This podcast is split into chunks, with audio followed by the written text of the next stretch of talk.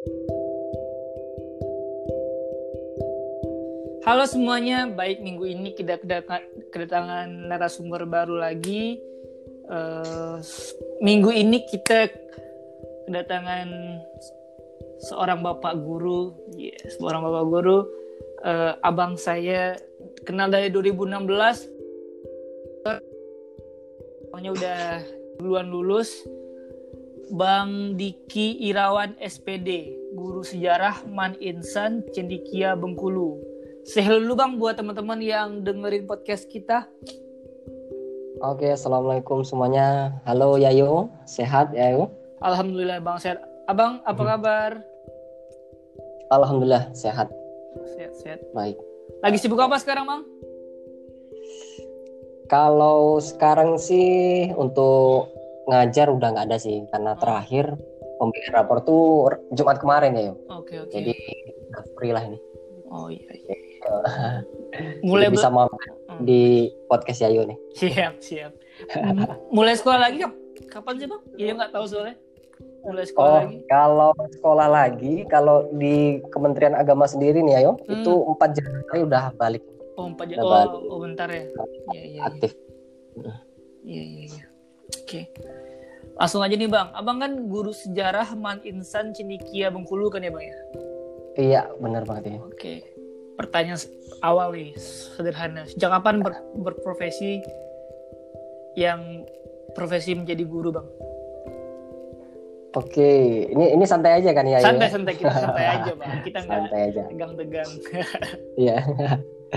Oke, kalau profesi sebagai guru sih sebenarnya mulainya tuh dari kan kalau kalau kampus pendidikan atau jurusan abang pendidikan itu kan memang dari PL ya hmm. dari PL sudah menggeluti sebagai guru sih guru sejarah iya yeah. sampai sekarang kayaknya nggak ada berhentinya ya paling berhentinya itu pas skripsian oh, uh, jadi itu berhentinya nggak jadi guru habis habis tamat dari guru lagi nah, okay, okay. gitu ya oke okay, okay. bang kan sebenarnya banyak juga nih bang yang lulusan pendidikan. Yang mm, iya benar. yang ber, yang profesi yang berprofesi di luar keguruan gitu kan ya bang ya? Iya benar. Banyak juga. Nah kalau abang sendiri kenapa memilih untuk menjadi seorang guru bang? Oh seorang guru ya? Mm. uh, sebenarnya gini ya yo mungkin sih uh, kalau pribadi aku sih kayak memang dulu awalnya pengennya nggak jadi guru gitu kan mm. Makanya sebenarnya pengennya tuh kalau kuliah tuh kan jadi anak teknik gitu ya Iya iya. Cuman cuman kayak ini nggak diberkahi sama orang tua ini ya. Karena hmm. orang tua tuh basicnya guru. Oh, okay. uh, eh, ibu ya, ibu base guru. Jadi mungkin doanya itu supaya lulus di keguruan. Jadi teknik tuh semua teknik yang didaftar tuh nggak bakalan lulus ya. Ba memang nggak lulus jadinya. Hmm. Tuh. Jadi lulusnya di kependidikan. Hmm. Tuh. Jadi seperti itu sih uh, kayaknya berkat doa orang tua aja nih jadi oh, jadi guru. Iya. Tapi ya asik lah jadi guru. Iya, iya, iya, iya. Oke oke oke. Bang, tahun ini kan tahun 2020 kita ya mungkin semua semua guru, semua guru, semua orang, semua masyarakat merasakan namanya dampak dari pandemi. Iya benar banget ya. Tidak terkecuali anak-anak sekolah, mahasiswa pun juga terdampak emang udah nggak kampus ke seperti biasa gitu bang ya. Bagi hmm, bagi guru sendiri apa sih bang tantangan mengajar di masa seperti sekarang? Oke tantangan guru ya ya. Iya di masa sekarang ya, ya? Apa? Benar ya. Untuk guru sebenarnya sih kayak sebenarnya kayak nggak nyangka gitu ya hmm. karena di ini cerita di sekolah abang sendiri ya yeah. itu kan di Maret itu kalau nggak salah di per, di akhir Maret itu kan sebenarnya itu dipulangkan uh, siswa-siswi dan juga guru itu dalam artian hanya untuk mengikuti perkembangan di Indonesia sendiri bahwa memang mencoba untuk dipulangkan sementara lah dalam dalam dalam rencana itu hanya sementara dari sekolah hmm. abang itu sementara cuman nggak taunya malah keterusan itu kan bahkan di awal-awal covid itu kan beritanya mencekam sekali kan ya yo bahkan mm -hmm. kayak pemakaman uh, COVID itu tiap hari bahkan ya mencekam banget lah. Jadi akhirnya ya memang keterusan untuk belajar di rumah atau belajar daring kan. Hmm. Sampai pada akhirnya guru itu terpaksa ini ya, yo, terpaksa hmm. yang yang apa ya namanya itu uh, dari yang tidak nyangka, yang biasa aja, yang santai-santai saja bakalan ah bakal masuk lagi lah nanti di awal April atau hmm. di akhir akhir Maret itu kan. Hmm. Gak taunya waduh keterusan ini. Jadi mulai dari kepala sekolah, kalau kami kan namanya kepala madrasah itu. Ya. Hmm. Jadi mulai dari kepala madrasah itu ya sebenarnya kebingungan hmm. dalam artian uh, belajar tidak mungkin ini kan siswa nggak mungkin kalau nggak ada belajar di rumah. Tapi kalau uh, mau belajar kita belum siap gitu kan, hmm. belum siap tapi uh, alhamdulillahnya ini ayo kalau di Kemenak sendiri atau abang kan di bawah naungan Kementerian Agama yeah. atau Kemenak. Itu alhamdulillah sebenarnya di awal dua itu Kemenak tuh kayak sudah prediksi bahwa pembelajaran itu akan berbasis daring atau sistemnya tuh blended kan hmm. ada tatap muka ada jarak jauh gitu kan hmm. jadi Kemenang itu udah punya strategi membuat e-learning secara massal, jadi bisa diakses seluruh sekolah di bawah naungan Kementerian Agama. Oh, Oke. Okay. Jadi uh, asiknya di situ bahwa Kemenang sebenarnya sudah siap, hmm. walaupun guru-guru sebenarnya banyak yang yeah, siap yeah. gitu kan, termasuk kami di, di sekolah itu kan, bagaimana harus belajar lagi nih hmm. ayo teknologi yang yang dulu biasa-biasa aja nggak terlalu uh, ngeh teknologi tapi ketika pandemi ini mau nggak mau ya yo harus belajar teknologi yang biasanya kan terkadang guru kan sudah nyaman nih di sekolah ngajar tatap muka hmm, ya kan yeah.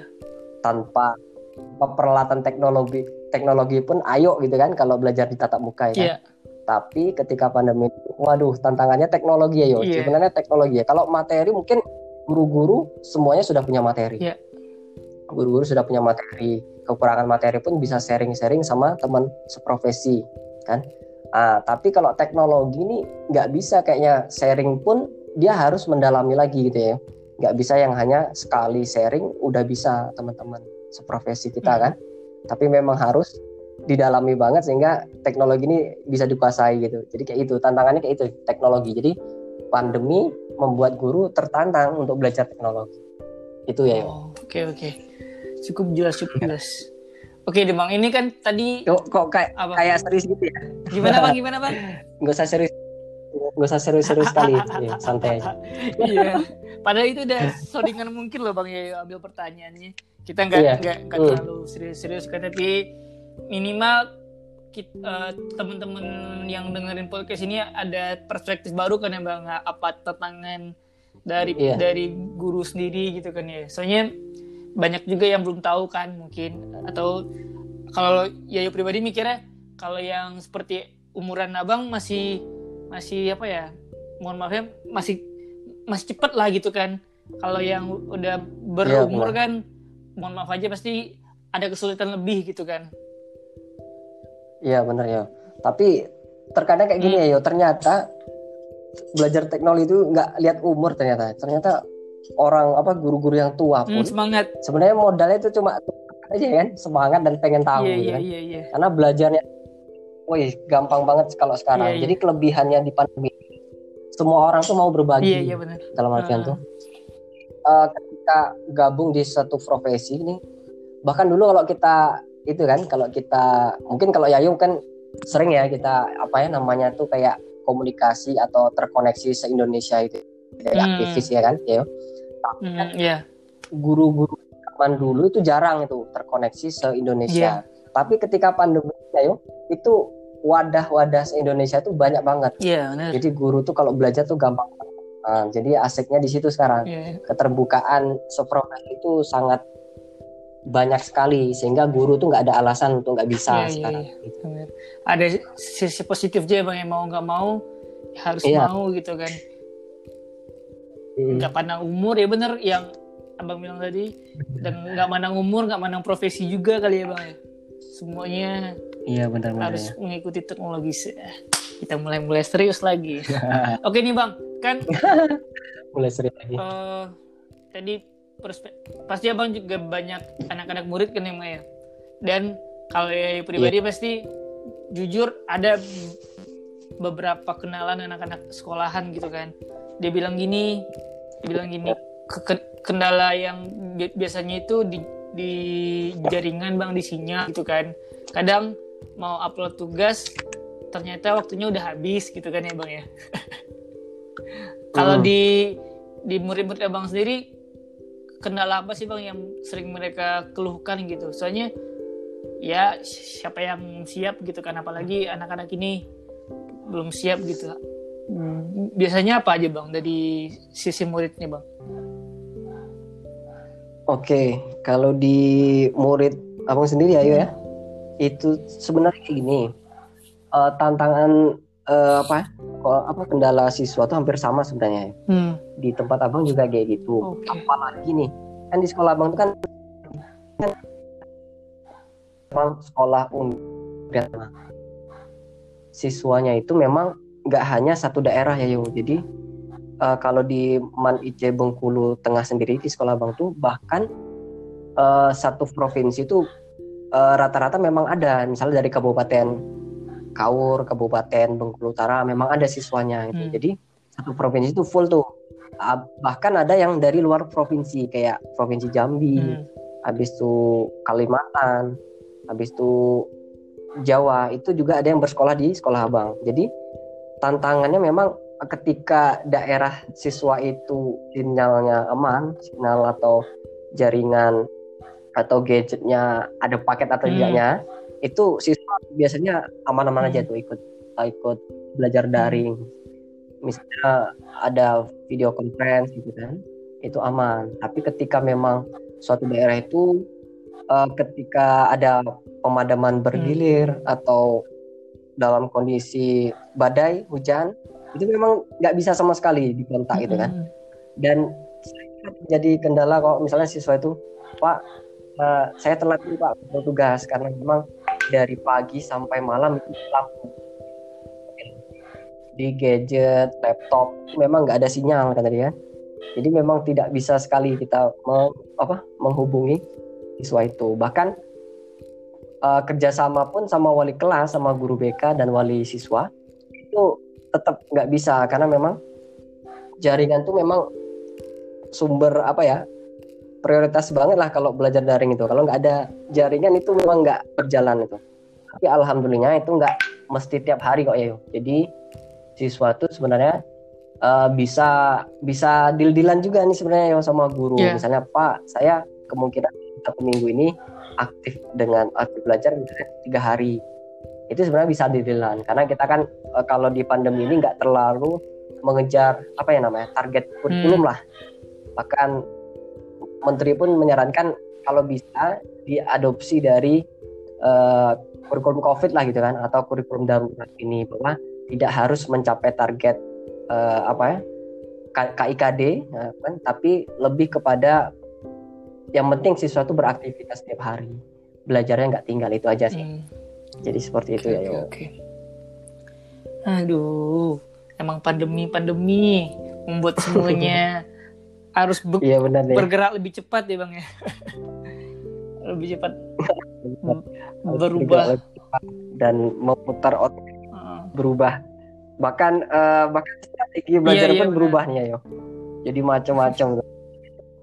Strateginya berubah harus ada cara baru ya kan? Lebih ya. inovatif ya bang ya. Iya benar. Harus ada inovasinya sebagai guru kan? Bagi abang sendiri nih bang harapan abang sebagai yep. guru untuk pendidikan di Indonesia ke depannya itu seperti apa sih bang harapan abang secara pribadi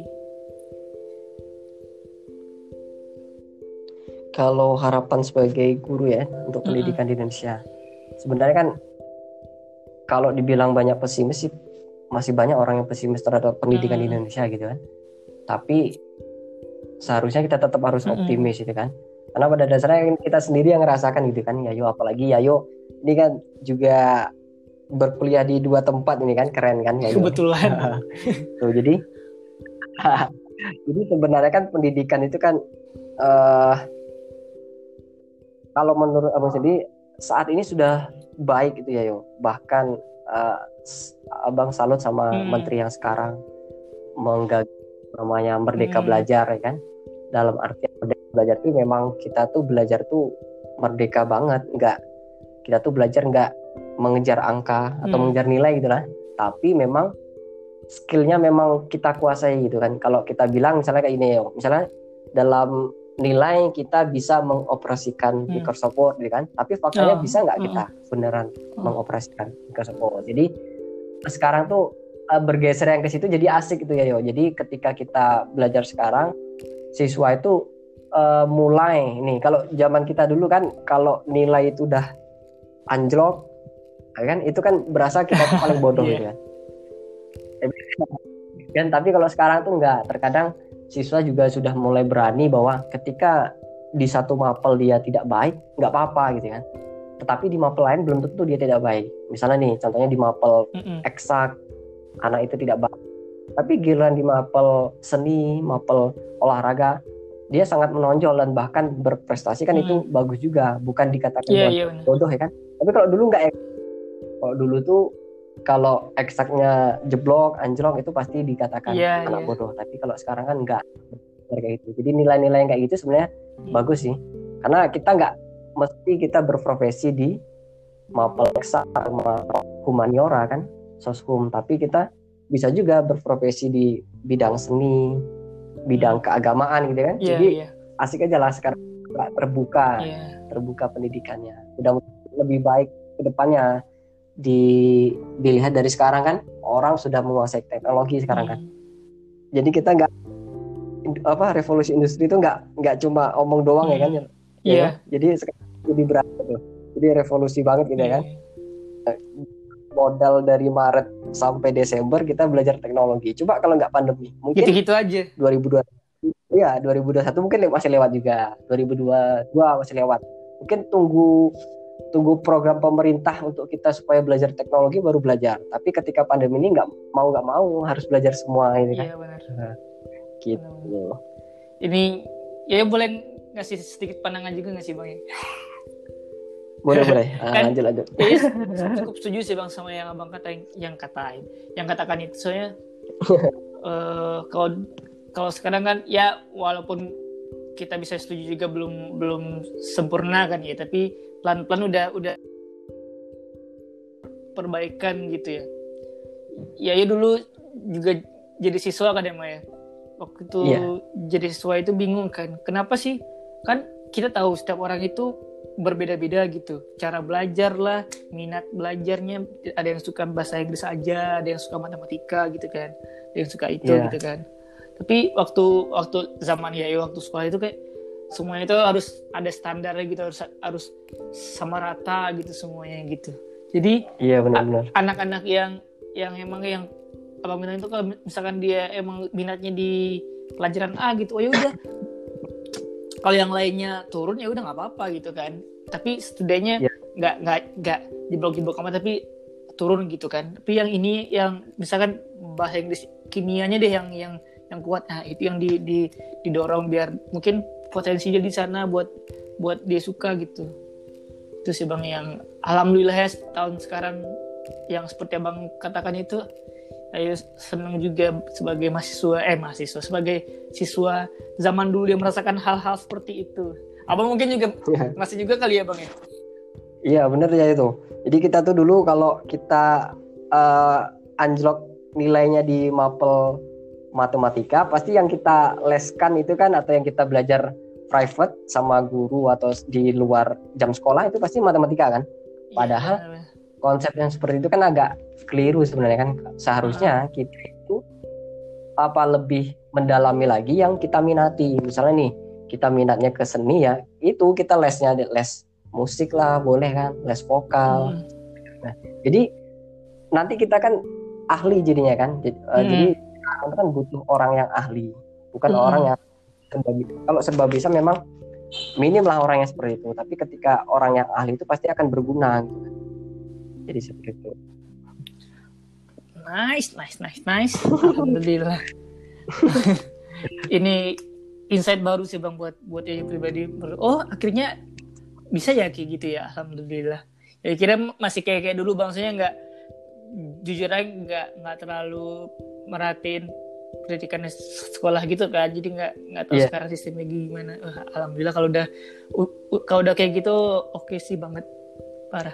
Tapi tapi masih wanti-wanti nih ya yo ah, karena kenapa, kenapa?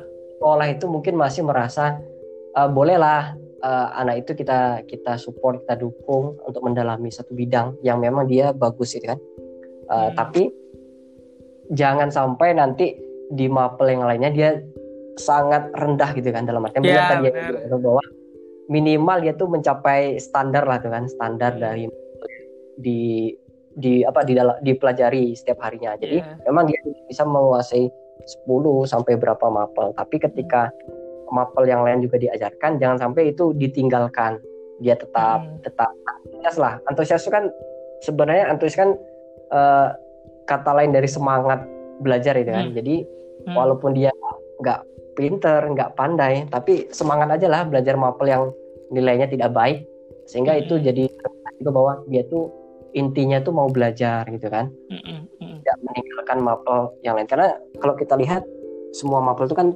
perlu ya ya. Nggak yeah, kita pilah-pilah mau oh, mapel yang ini aja lah yang kita pelajari. Enggak yeah, uh, uh.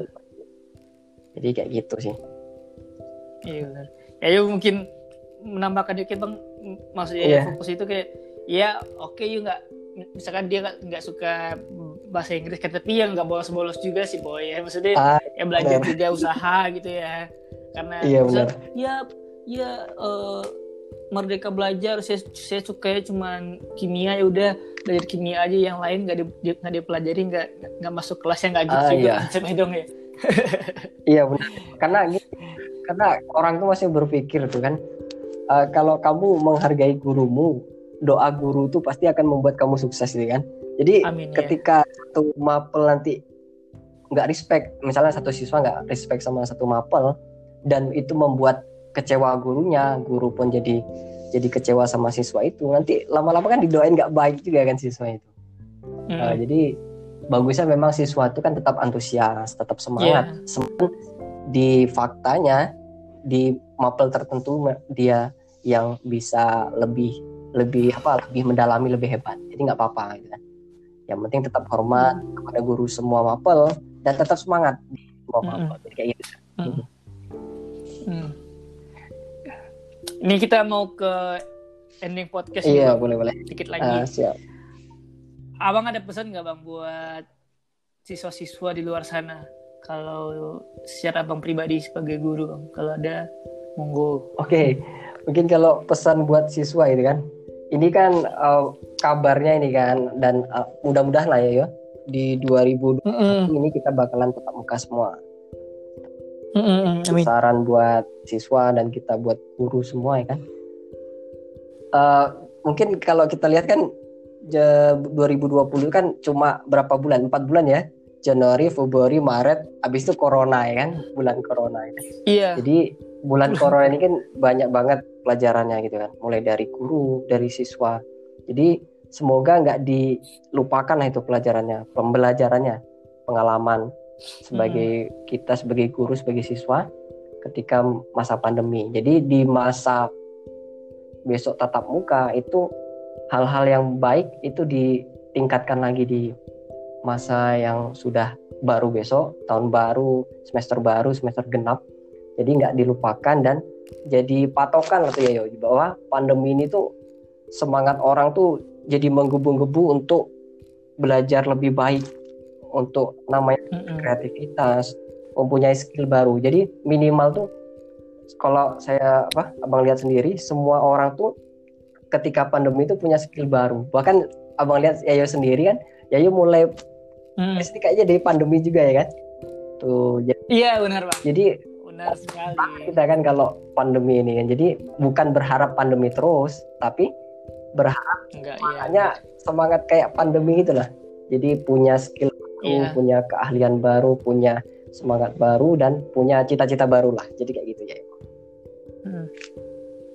Ya mikir kalau misalkan, ya yuk, kalau pribadi bang masa-masa sulit itu kayak bukan dibilang anugerah juga sih enggak sih bang tapi maksudnya jadi tantangan jadi tantangan sendiri kita mikir hal baru lagi yang di luar kebiasaan kita aja gitu. Iya benar yang kita paksa buat buat berubah.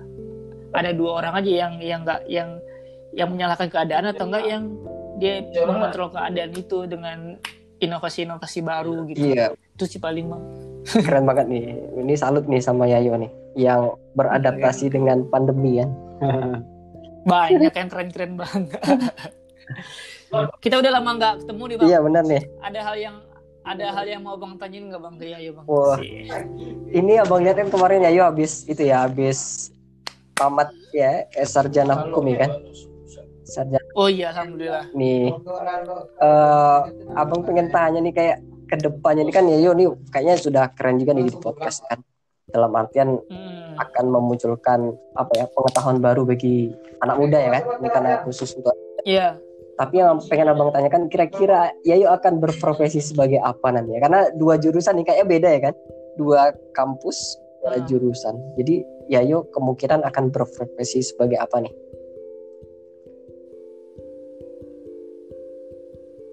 Halo? Halo? Yo, kira-kira Iya, iya. Oke, oke. Sebagai apa nih ke depannya gitu kan? Kalau ke depannya, oke. Okay.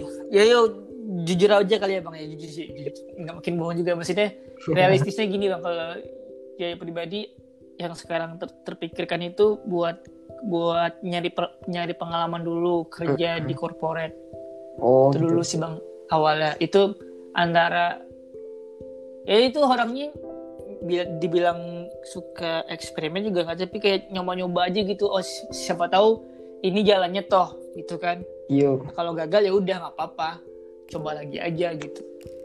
Rencana yang deket itu paling mau ambil profesi advokat dulu.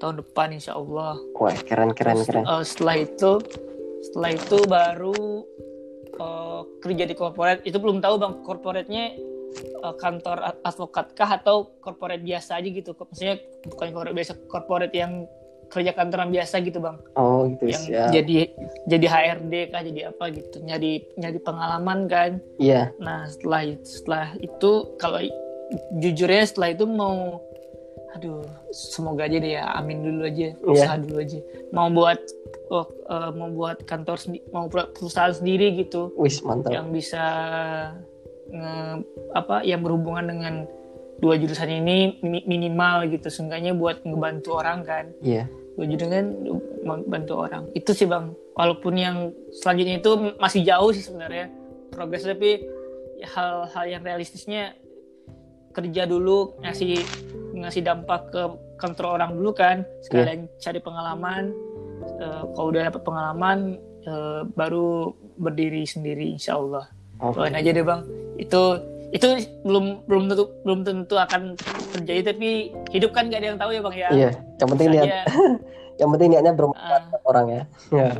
Uh, siapa tahu tiba-tiba arah arahnya lain gitu kan. Iya benar. Itu, usaha dulu aja sih intinya kalau ke depannya. Ada sih target tapi kayak kalau nggak kecapai ya nggak apa-apa gitu. Okay. hidup kan kayak gitu kalau nggak kalau kalau nggak gagal ya berhasil. Kalau gagal yeah. ya besok berhasil lagi. Kalau sekarang berhasil misalkan misalkan ya berhasil uh, tamatin hukum gitu kan ya yeah. seneng sih seneng tapi ya udah seneng aja.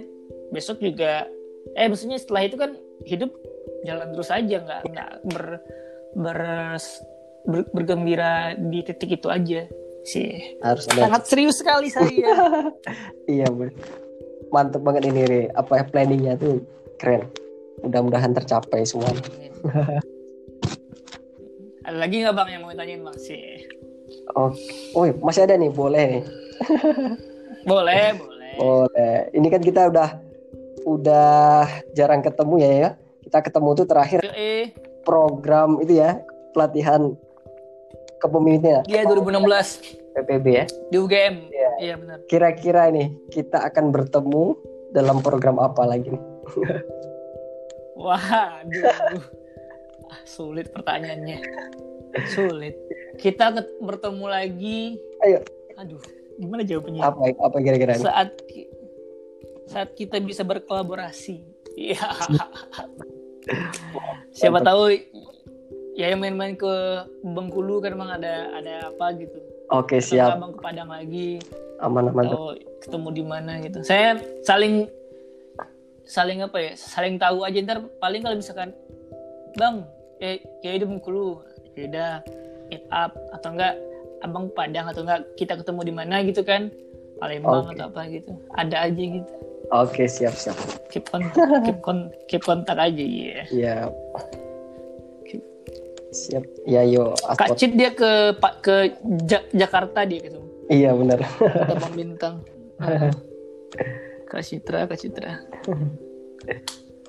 Ya udah.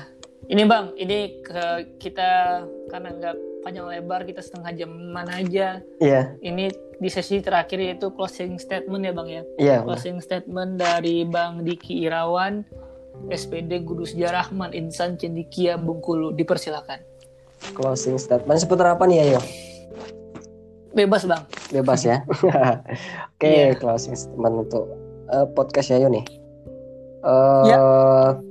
yang pertama terima kasih ya buat Yayo udah ngundang mampir di podcastnya seneng banget bisa cerita bareng ya kan cerita bareng di yeah. karena udah lama nggak ketemu mungkin kalau yep. untuk uh, closing sebagai guru ya sebagai guru mungkin uh, saat ini itu waktu yang bersyukur buat sebagai guru kan. Karena terpaksa harus belajar teknologi itu membuat kita tuh tambah skillnya lah ya ya. Jadi guru di saat pandemi ini sebenarnya harus banyak bersyukurnya. Karena kalau nggak pandemi kita nggak nggak mungkin seperti ini kan. Kita nggak mungkin namanya kalau kalau orang Minang tuh kayak nggak mungkin bersetungkin gitu ya ya bersetungkin mm. belajar teknologi. Jadi pandemi itu ber, beruntung banget. Untuk sebagai siswa misalnya siswa misalnya siswa, siswa abang juga ada yang dengar kan? Wah mm. siswa kan ini banyak yang ngeluh juga nih. Pandemi bahwa ngeluh bahwa di rumah belajar di rumah nggak asik sebagai macamnya. Uh, siswa tetap harus semangat belajar aja lah kita guru pasti akan membuat inovasi yang menarik ke depannya sebagai pembelajaran. Jadi walaupun ke depannya ada yang tetap belajar daring itu sebagai tantangan juga buat siswa bahwa tetap harus menghadapi hal tersebut kenyataan tersebut bahwa belum bisa tatap muka. Jadi belajarnya tetap harus giat samain aja lah dengan belajar tatap muka semangatnya gitu kan. Untuk pendidikan ya hmm. untuk pendidikan bahwa pendidikan harus tetap jalan lah bagus Menteri Pendidikan hmm. memberikan kesempatan buat daerah masing-masing untuk melakukan tatap muka ini bukan berarti pemerintah itu kayak lepas tangan gitu kan ya terserah mau hmm. tatap muka atau enggak mau kena corona atau enggak gitu kan tapi pemerintah tuh hmm. memberikan kesempatan buat apa ya satker atau satuan kerja sekolah atau madrasah itu membuat suatu inovasi tersendiri lah sehingga coronanya nggak kena pendidikannya jalan itu jadi jangan dijadikan ini sebagai pembiaran dari pemerintah tapi harus jadi apa ya penggerak bahwa sekolah guru siswa pimpinan sekolah itu menjadi kreatif dalam menyelenggarakan pendidikan yang memadukan tatap muka dengan daring lah. Jadi kayak gitu ya. Jadi mungkin itu closing statement dari apa? Oke, terima kasih banyak Bang. Iya. Diki untuk iya. waktunya malam ini kita record ya Bang ya. Makasih banget. Maaf kalau misalkan ada kata-kata yang kurang sopan ya Bang. Iya. Enggak chill-chill aja kita. Iya, sama-sama. Kita kapan-kapan kita kapan-kapan kita semoga semoga deh kalau Abang ke Padang pun juga kita meet up lagi bang. Oke siap. Ngobrol-ngobrol santai kan hmm. lebih lebih panjang daripada ini. Iya. Yeah. Iya benar banget. Makasih bang buat buat perspektif barunya hal yang ia juga baru tahu juga. Mungkin teman-teman yang dengerin juga baru tahu kan. Iya. Apa bagaimana terima kasih banyak. Uh, apalagi ya makasih juga buat teman-teman yang buat yang udah dengerin podcast kami minggu ini maaf kalau misalkan ada kata-kata kami yang salah uh, ambil aja yang baiknya yang buruknya ya dijadiin pelajaran aja sekali lagi makasih banyak ya bang Yo. waktunya. Sama-sama. Uh, baik uh, oke bang assalamualaikum. Waalaikumsalam buat Yayo dan teman-teman podcast. Ya bang